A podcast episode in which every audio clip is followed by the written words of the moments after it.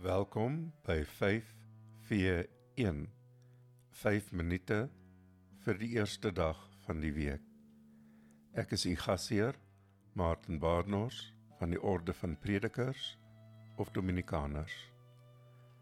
Die 31ste Sondag in die jaar Kruis B.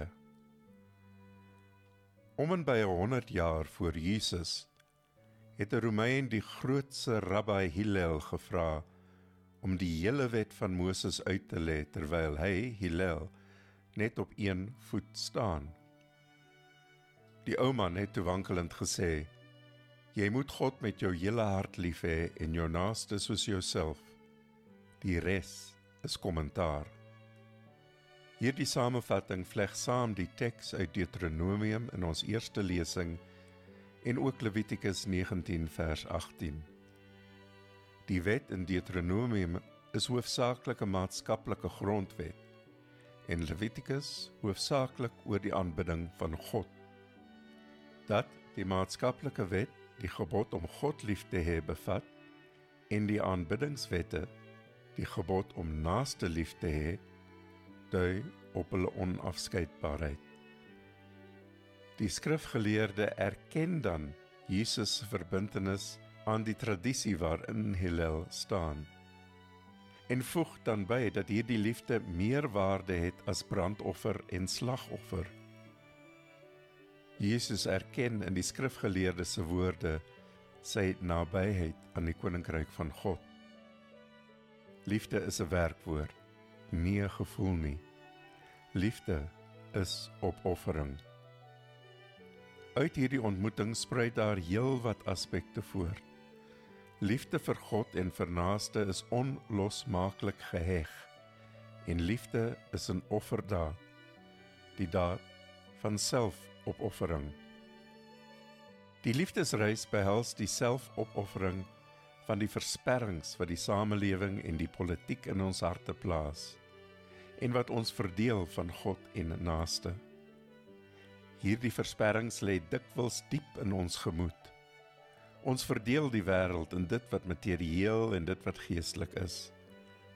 Daarom staan ons versla as slegte beleid en politiek ons menslike samelewing en die aarde kanel. Ons verdeel die mensdom tussen ons en hulle. Ons verdeel ons kerkgemeenskap tussen die sondaars en regverdiges. Voor God is daar net die mensdom.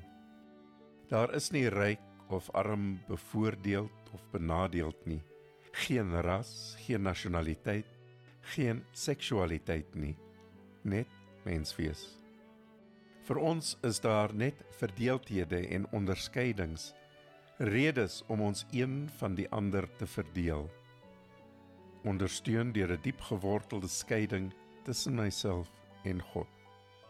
Verwyder hierdie kernskeiding en al die ander word ook weggevee. God het lief. Daardie eenvoudige stelling is die moeilikste om te aanvaar.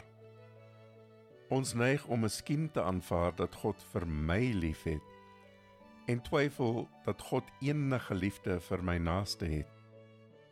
Ons poog om alleen reg te hê oor 'n liefde wat onuitputlik vryelik uitgestort en alomvattend is.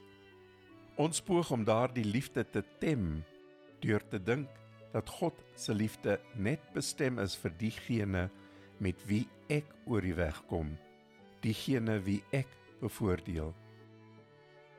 Wanneer die alomhelsende aard van God se liefde tot ons deurdring, voel ons teleurgestel dat God nie my gesonde verstand volg nie. Daarna voel ons woede dat God hulle liefhet wat my sin vir opregtheid en moraliteit verwerp. Liefde is selfopoffering, 'n lang en kronkelende pad om dit te ontknoop wat ons tot nait en engheid verbind. Jesus sou die volle las van die vervalle mense begeerte om eerder uit te werp as om te verwelkom dra op sy pad na Golgotha. sy rug geskeur deur verwerping, sy hoof bekroon met ons selfsugtigheid. Dit is die opoffering waartoe liefde in staat is. Aanvaar ons daardie opoffering in ons lewens om op ons beurt bereid te wees om die versperrings en geslotenheid van ons hart op te offer om dit op te offer en so die vreugde van ons deelname aan die natuur en die mensdom te vier. Laat ons toe dat liefde vir God en medemens ons politieke en kulturele keuses vorm. Die offer van vee en kleinvee is eenvoudig die verlies van besittings. Ware opoffering begin met ons vooroordeel en bevoorregting en bring ons nader aan hulle wat ly. Laat ons ons verdeeldhede opoffer en die geluksaligheid van liefde omhels.